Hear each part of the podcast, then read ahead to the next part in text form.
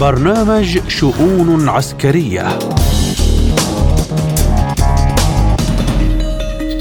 من إذاعة سبوتنيك بموسكو نرحب بكم مستمعينا الكرام أينما كنتم في حلقة جديدة من شؤون عسكرية. أقدمها لكم اليوم أنا محمد جمعة وأبدأها بأبرز العناوين. مسيرات لانسيت الروسية تفتك بالقوات الأوكرانية. آخر تطورات الحرب على غزة. أردوغان يدعو للتأكد من عدم وجود أسلحة نووية في إسرائيل. قال مصدر عسكري مسؤول في الجيش الأوكراني إن القوات الروسية تعطل أسلحة الجيش الأوكراني بمساعدات طائرات لانسيت المسيرة الروسية حيث تقوم بتدمير المعدات والأسلحة الأوكرانية بشكل مباشر. ولفت المصدر أنه قد انخفض نشاط المدفعية الأوكرانية في أجزاء معينة من الجبهات يعود بشكل كبير إلى الكمية المحدودة من الذخيرة المتبقية. في السياق يطالب نظام كييف منذ فترة بعيدة حلفائه الغربيين بتسليمه طائرات إف 16.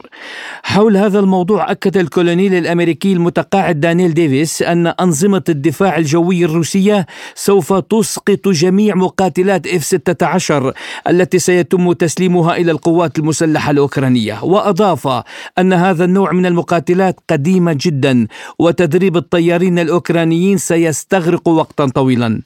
في وقت سابق أعلن البنتاغون أن تزويد أوكرانيا بطائرات F-16 لن يغير ميزان القوى بشكل جذري. وللحديث أكثر حول هذه العناوين نستضيف معنا الخبير بالشأن الروسي مدير مركز GSM للدراسات الدكتور آصف ملحم. أهلا بك دكتور آصف في شؤون عسكرية. أهلا وسهلا بكم. تحياتي لكم وللساده المستمعين. وأبدأ معك من إعلان القوات المسلحة الأوكرانية عن نقص حاد في الأفراد. كيف سيؤثر ذلك على الفعالية القتالية للقوات الأوكرانية على خلفية فشل الهجوم المضاد؟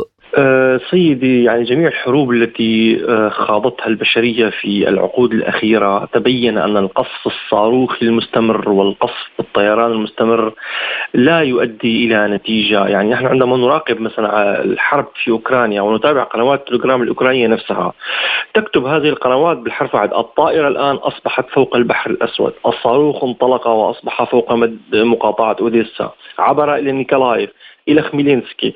يعني الناس قادرة حتى بأدوات بسيطة جدا تتبع نعم تتبع مسار هذه الصواريخ. وبالتالي يعني هناك وقت كافي للتوقي منها. وبالتالي لابد من خوض الحرب البرية، لابد من خوض المعركة بالأفراد وبالوسائل التقليدية للقتال، طبعا الطيران وغيره من أدوات القتال مساعد. ماذا يعني هذا الكلام؟ عندما عندما يكون يعني عدد الحرب البرية بكل وضوح تحتاج إلى أعداد كبيرة من من القوات تحتاج إلى أفراد يقومون باحتلال مواقع معينة والتمسك بها والدفاع عنها وما شابه ذلك.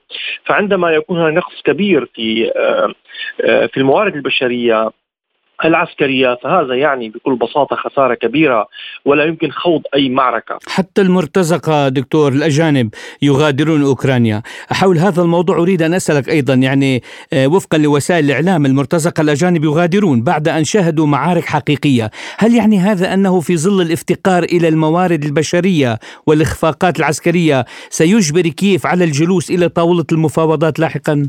فيما يتعلق أستاذ محمد تحديدا بالمرتزقة في بداية المعركة تحت ضخ تحت الضخ الإعلامي الشديد جدا. يعني وخلق خلقت خلقت الدول الغربية حالة نفسية عند الجميع بأن أوكرانيا دولة مظلومة ولا بد من الدفاع عنها فتدفقت أعداد كبيرة من المرتزقة إلى وخاصة من بولندا بالمناسبة يعني وبعض الدول الأوروبية الأخرى. ولكن عندما أتوا إلى أرض الواقع وشهدوا بأم اعينهم ماذا يحدث هناك وكيف أنه لا يتم تأمين يعني يدفع الشخص إلى عمليا إلى الموت بكل بساطة وتهدر حياته بكل بساطة. حتى أن أوكرانيا بدأت تقول لا نريد البحث عن مرتزقة في أوروبا بل نريد الاتجاه إلى أمريكا اللاتينية وبعض دول آسيا وبعض شرق آسيا.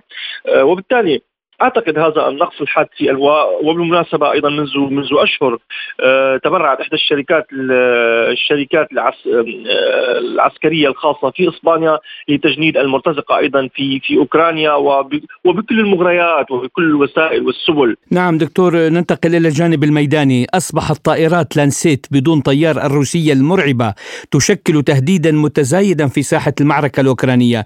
برأيك ما هي ميزة هذه الطائرات بدون طيار؟ هل يمكن القول أن التفوق في إنتاجها يعني التفوق في ساحة المعركة؟ أه، سيدي فيما يتعلق بالطائرات من طيار يعني نحن بدأنا نشهد تحديدا تطور الصناعة العسكرية للطائرات بدون طيار أه، وروسيا تنبهت في بداية المعركة لهذه القضية. الطائرات بدون طيار كانت تستخدم قديما في روسيا ولكن كانت تستخدم لأهداف مدنية فقط. أه، النقص الوحيد في التكنولوجيا الروسية تحديدا في صناعة الطائرات بدون طيار كانت في شيئين فقط. الشيء الأول هو الطائرات القتالية والطائرات صغيرة الحجم.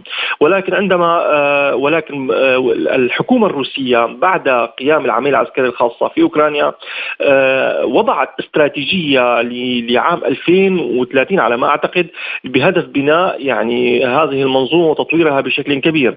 وكانت روسيا قديما تستورد يعني قطع تبديل لهذه الطائرة ويتم تجميعها في روسيا لأن استخدامها أساسا للأغراض المدنية. وبالتالي استطاعت روسيا بفترة قصيرة من الزمن عمليا بتوطين هذه الصناعات الصناعات عندها وهذه الطائرات آه، لا أسف عليها لأنها تطير بكل بساطة آه، ويمكنها أن يعني أن تقوم بمهمات قتالية آه، لا يستطيع حتى الأفراد القيام بها وتحقق يعني تغييرات عسكرية كبيرة في الميدان وبالتالي دخول هذه الطائرة في العمليات القتالية بالتأكيد هذا تطور جيد جدا وسيعزز نصر نصر روسيا في أوكرانيا وفي الحروب التي قد تخاض في المستقبل مع الدول الأخرى. نعم دكتور لنا سؤال أخير بشكل موجز نجيب عنه حول أن النظام كييف يطالب منذ فترة بعيدة حلفائه الغربيين بتسليمه طائرات إف 16 يعني لماذا هذا الإصرار على هذا النوع من المقاتلات؟ أه، سيدي يعني يجب أن لا نتوقف كثيرا عندما يقوله زيلينسكي. في كثير من كلامه كلاما دعائيا يعني هذا الأمر يجب أن نفهمه. طائرات إف 16 وفق جميع الخبراء أستاذ محمد لن تغير في ميدان المعركة. اولا تقديمها كما نعلم جميعا تقديمها يعني لو قدم الولايات المتحدة الأمريكية ألف طائرة بالتأكيد ستحد ستشكل خرقا كبيرا وتشكل يعني خطرا كبيرا على روسيا. ولكن لوجستيا غير ممكن. من أين ستنطلق هذه الطائرات وبالتالي أعتقد أن هذا الإصرار هو نوع يعني آه، من آه، من النشاط الإعلامي إن صح التسمية أمام أمام الإعلام الأوكراني وأمام الداخل الأوكراني وأمام الإعلام الغربي نفس التوقيت. هذه الطائرات لن تشكل هي طائرات قتالية تكتيكية هي أشهر أنواع الطائرات ولكن ليس أفضلها وروسيا قادرة على اصطيادها وبكل سهولة أيضا. لذلك لن حتى لو قدمت يعني وبأعداد يعني حتى لو كانت كبيرة فروسيا قادرة على التغلب عليها وتحييدها من المعركة. نعم شكرا جزيلا. الخبير بالشأن الروسي مدير مركز GSM للدراسات الدكتور آصف ملحم. كنت معنا ضيفا عزيزا في شؤون عسكرية. شكرا لكم. يواصل الجيش الإسرائيلي قصفه المستمر والمكثف على مختلف مناطق قطاع غزة في إطار عملياته العسكرية وسط ارتفاع أعداد الضحايا المدنيين الفلسطينيين إلى أكثر من 12 ألف قتيل غالبيتهم من الأطفال والنساء. يرتكب الجيش الإسرائيلي إبادة جماعية بحق القطاع الصحي برمته في قطاع غزة واستهداف خاص موجه ضد الأطفال. يبدو إذا لم تستطع أن تنتصر على عدوك فاقتل أطفاله. اقتلوهم جميعا حتى الرضع منهم. يا بئس الجذور الفكرية لعقيدة الإبادة. خدميا حالة من الشلل التام في الخدمات والمرافق الحيوية وسط وشمال قطاع غزة مع استمرار نفاذ الوقود وانهيار القطاع الطبي على خلفية محاصرة القوات الإسرائيلية لمستشفيات شمال ووسط القطاع ونزوح نحو 1.6 مليون شخص في مختلف أنحاء القطاع. في سياق متصل دعا المرشد الإيراني الأعلى علي خامنئي الحكومات الإسلامية إلى الرد على الهجمة الصهيونية الإسرائيلية المتواصلة لأكثر من 44 يوما وتستهدف الأطفال والنساء والمشافي داخل قطاع غزة. قال بهذا الصدد كحد أدنى ينبغي على الدول الإسلامية أن تقطع علاقاتها السياسية مع الكيان الصهيوني لفترة محدودة.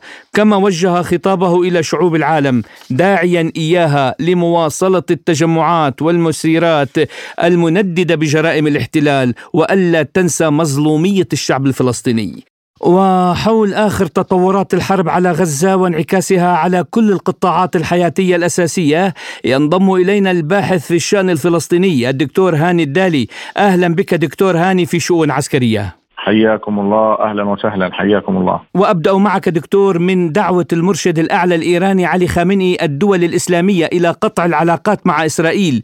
ما هو احتمال قيام الدول الإسلامية بقطع علاقاتها فعليا مع إسرائيل؟ نظرا للعلاقات الاقتصادية الوثيقة التي تربط بعض الدول بما فيها الدول العربية مع تل أبيب. طبعا واضح آه، يعني باستمرار اليوم ال 45 أو 46 للعدوان على قطاع غزة لم تتخذ أي دولة عربية حتى هذه اللحظة آه، قرارات من شأنها أو تلويح ب يعني ببعض يعني مصادر القوة بيد الدول العربية والإسلامية من شأنها أن توقف العدوان على قطاع غزة. بمعنى نحن هنا نتحدث عن خيارات وأوراق قوة لدى الدول العربية تحديدا والزعماء العرب حول موضوع النفط وموضوع الغاز وموضوع إغلاق القواعد العسكرية في المنطقة العربية وهو واضح إنه هي موجودة في عدد من الدول العربية وخاصة في يعني تتنوع ما بين دول الخليج ودول عربية أخرى.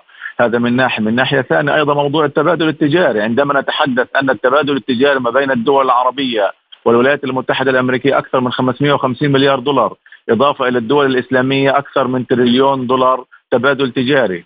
فقط هذه القرارات لو تم التلويح بهذه الأوراق تلويح بوقفها آه، آه، أو التهديد بهذا الشأن أنا بتقديري سيكون له دور كبير في وقف العدوان على قطاع غزة إضافة إلى يعني آه، في الجانب الدبلوماسي والسياسي إما سحب السفراء من عند الكيان الصهيوني أو إغلاق السفارات وطرد السفراء من الدول العربية والإسلامية وهناك كثير من اوراق القوة التي تم استخدامها في حرب 1973 ولكن واضح أن قادة الدول العربية آه، لهم دور وظيفي في المنطقة العربية لا يمكن أن يتجاوزوا هذا الدور.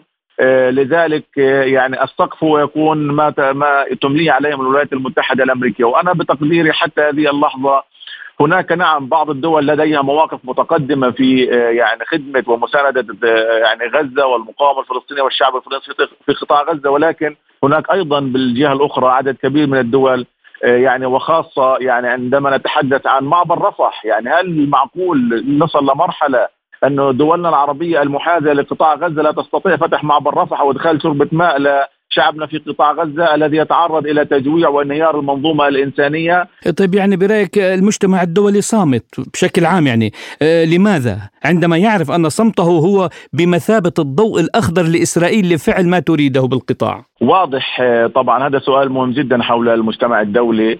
طبعا آه، هنا لما نتحدث عن المجتمع الدولي نتحدث عن عنوان المجتمع الدولي وهو الولايات المتحدة الأمريكية التي تعتبر إسرائيل هي جزء مهم من مشروعها الاستعماري في هذه المنطقة ومشروع الهيمنة التي تريد منه أن تكون هي القوة المتفردة في العالم والمتنفذة في هذا العالم والتي تقود من خلاله العالم وتصنع نظمه وقوانينه. نعم الولايات المتحدة الأمريكية لها بتقديري ثلاث مناطق استراتيجية يجب أن تكون فيها الهيمنة والصوت العالي واليد الطولة. وهذه المناطق واضح أنه المنطقة الأولى هي شرق آسيا لأنه فيها الصين والصين هي المنافس الأقوى للولايات المتحدة الأمريكية.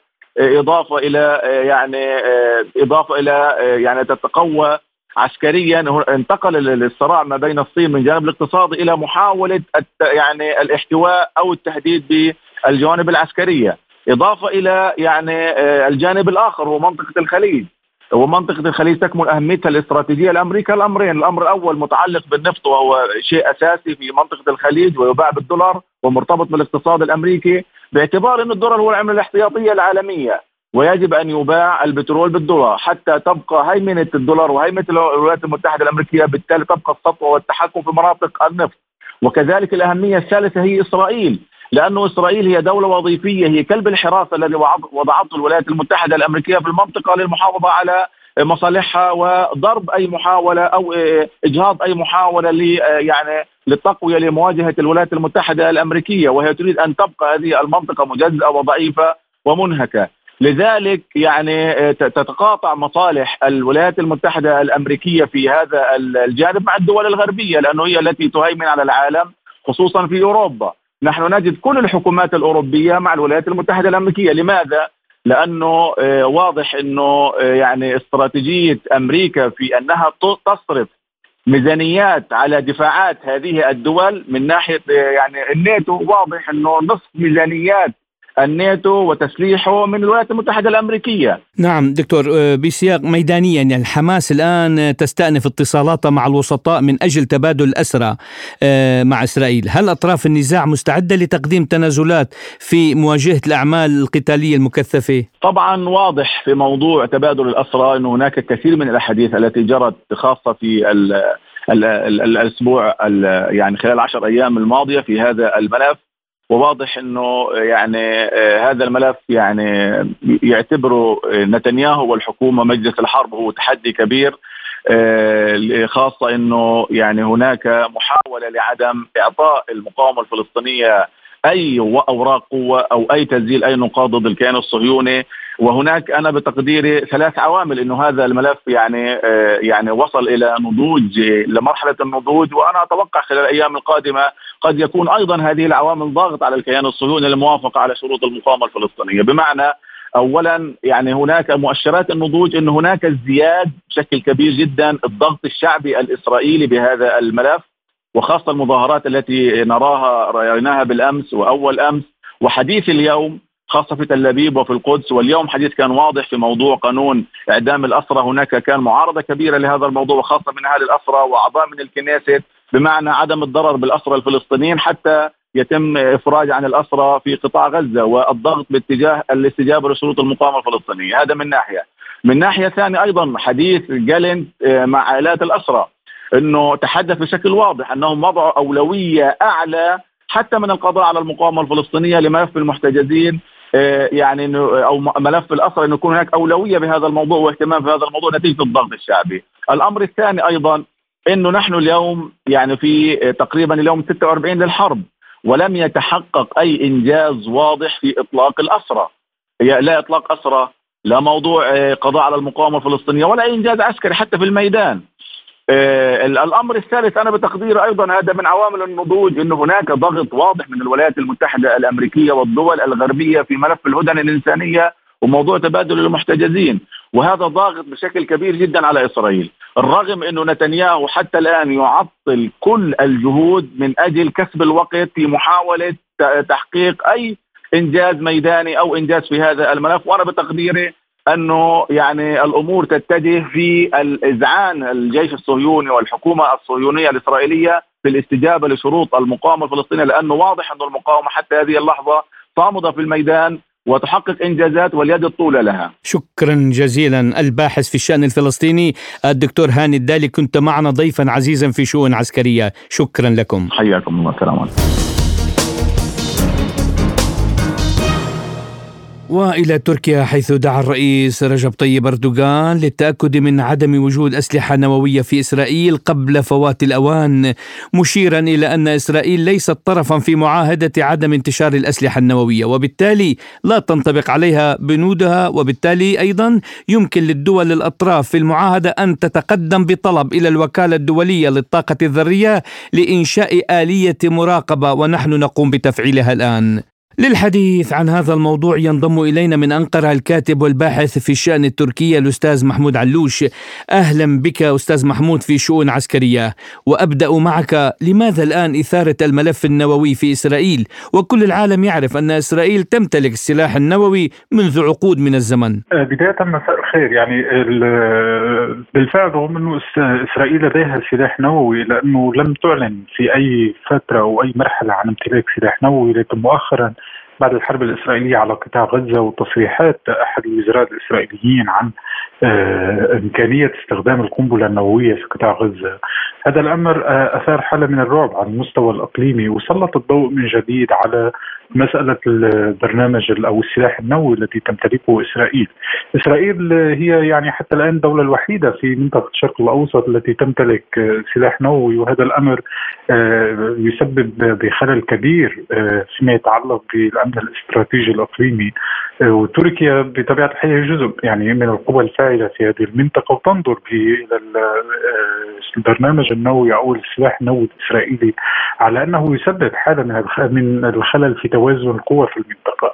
لذلك سعى الرئيس إردوغان يعني آه، في هذه الحرب إلى تسليط الضوء. على مسألة السلاح النووي الإسرائيلي. وأعتقد أن هذه القضية ينبغي أن تكون حاضرة على آه، يعني على أجندة النقاش الإقليمي من الآن فصاعدا آه، لأنه آه، بطبيعة الحال تصريحات الوزير الإسرائيلي. وإن بدت على أنها ما يمكن أن نصفها بشطحة سياسية لكنها خطيرة بطبيعة الحال وتشير إلى أن إسرائيل ربما تلجأ في هذه الحرب إلى استخدام أسلحة غير تقليدية ربما أسلحة يعني محرمة دوليا من أجل القضاء على المقاومة الفلسطينية في قطاع غزة. أستاذ برأيك يعني هل ستتمكن الوكالة الدولية للطاقة الذرية آه، فعل أي شيء مع إسرائيل حتى إذا ثبت وجود سلاح نووي وهي تعلم ذلك؟ نعم صحيح آه، أنا أستبعد ذلك لأنه آه، حقيقة اليوم إذا ما أردنا أن نشكل رأي عام دولي يدفع باتجاه التدقيق في الأسلحة النووية الإسرائيلية. هذا الأمر يتطلب تحرك من الدول الكبيرة سيما أيضا يعني الولايات المتحدة الأمريكية والدول الغربية لديها نفوذ كبير على الوكالة الدولية للطاقة الذريه نرى بأن هذه الوكالة تتحرك في بعض الملفات التي تناسب السياسات الغربية مثل البرنامج النووي الإيراني آه، وما إلى هنالك، لكن عندما يتعلق الأمر بإسرائيل نصل إلى معضلة بأنه آه، الدول الغربية عموما آه، غير مستعدة لأي تدقيق فيما يتعلق آه، بنشاط إسرائيل. إن على صعيد برنامجها الأسلحة النووية أو على صعيد النشاط الذي تقوم به في هذه الحرب. من خلال ارتكاب الجرائم بحق الفلسطينيين. لذلك أنا تقديري أن المشكلة ليست في الوكالة الدولية للطاقة الذرية وقدرتها على التدقيق في السلاح النووي الإسرائيلي بقدر المشكلة تكمن في الدول الغربية نفسها لأن هذه الدول الغربية آه، تقدم الدعم والحماية المطلقة لإسرائيل. هي تنظر إلى إسرائيل على أنها طفلها المدلل في منطقة الشرق الأوسط تمثل المصالح الغربية في منطقة الشرق الأوسط وبالتالي هذه الدول الغربية ببساطة غير مستعدة لأن تجعل إسرائيل تحت المجهر العالمي فيما يتعلق بأسلحتها النووية أو فيما يتعلق باحتلالها الأراضي الفلسطينية وحتى احتلالها لأراضي دول عربية مجاورة وما إلى هناك. لذلك المشكلة هي في الغرب. في الغرب قبل أن تكون في الأمم المتحدة أو الوكالة الدولية للطاقة وهل ستستطيع إسرائيل استخدام السلاح النووي في هذا البعد الجغرافي الضيق حولها برأيك؟ لا أنا أستبعد يعني حقيقة هي فكرة أن تستخدم إسرائيل سلاح نووي في قطاع غزة يعني أمر آه، آه، غير غير منطقي آه، لأنه يعني جغرافيا ستكون هي متضررة أيضا من استخدام مثل هذه السلاح النووي لا سيما المناطق القريبة من قطاع غزة والمستوطنات الإسرائيلية. لكن أنا تقديري خطورة تصريحات الوزير الإسرائيلي هي تعكس أمرين مهمين. الأمر الأول أنه آه، لم تعد إسرائيل آه، ترى حرج في الإعلان عن امتلاكها سلاح نووي، هذا الأمر تعرفه دول المنطقة، لكن أن يتعمد أنا أنا شخصيا أعتقد بأنه كان الوزير الإسرائيلي يتعمد أن يصدر مثل هذا التصريح. بعد السابع من أكتوبر وتصدع مفهوم الردع الإسرائيلي في بعد هجوم حماس، كان لابد من إسرائيل أن تظهر أنها لا تزال قادرة على إعادة ترميم مفهوم الردع. آه لذلك أنا تقديري انه الوزير الإسرائيلي لم يتحدث عن مسألة القنبلة النووية كردة فعل بقدر ما كان متعمد هذا التصريح لإظهار أن إسرائيل بالفعل آه، ليست فقط تمتلك سلاح نووي بل إنها مستعدة لاستخدام هذا السلاح النووي إذا ما تعرضت آه، للخطر الوجودي، هذه هي النقطة الأهم في تصريحات المسؤول الاسرائيلي. الجانب الآخر آه، أنا أعتقد بأنه أيضا اليوم نرى بأنه إسرائيل تستخدم أشكال مختلفة من الأسلحة في عملياتها العسكرية في قطاع غزة لا نستطيع تماما أن نعرف آه، بالدقة هذه الأسلحة. لكن بالتأكيد هذا الدمار الكبير الذي تحدثه آه، يشير إلى انها ليست أسلحة تقليدية. لكن عموما إذا ما عجزت إسرائيل عن أو واصلت هذا العجز في على المقاومة الفلسطينية في قطاع غزة نحن اليوم ما يقرب من شهر ونصف على هذه الحرب واعتقد بأن هذه الحرب آه، لن تكون نهاية قريبة لها أو على الأقل نهاية قريبة لها بالطريقة التي تعملها إسرائيل. يمكن حينها أن تلجأ إسرائيل إلى استخدام آه، أسلحة محرمة دوليا آه، من أجل محاولة القضاء على حركة حماس. يعني أنا قرأت بعض التقديرات في الصحافة الإسرائيلية مؤخرا عن المشكلة التي تواجه إسرائيل فيما يتعلق بالأنفاق. حتى إنه بعض الخبراء العسكريين كانوا يقترحون استخدام أسلحة آه، يعني آه، وصفوها بالتكتيكية من أجل القضاء على هذه الأنفاق.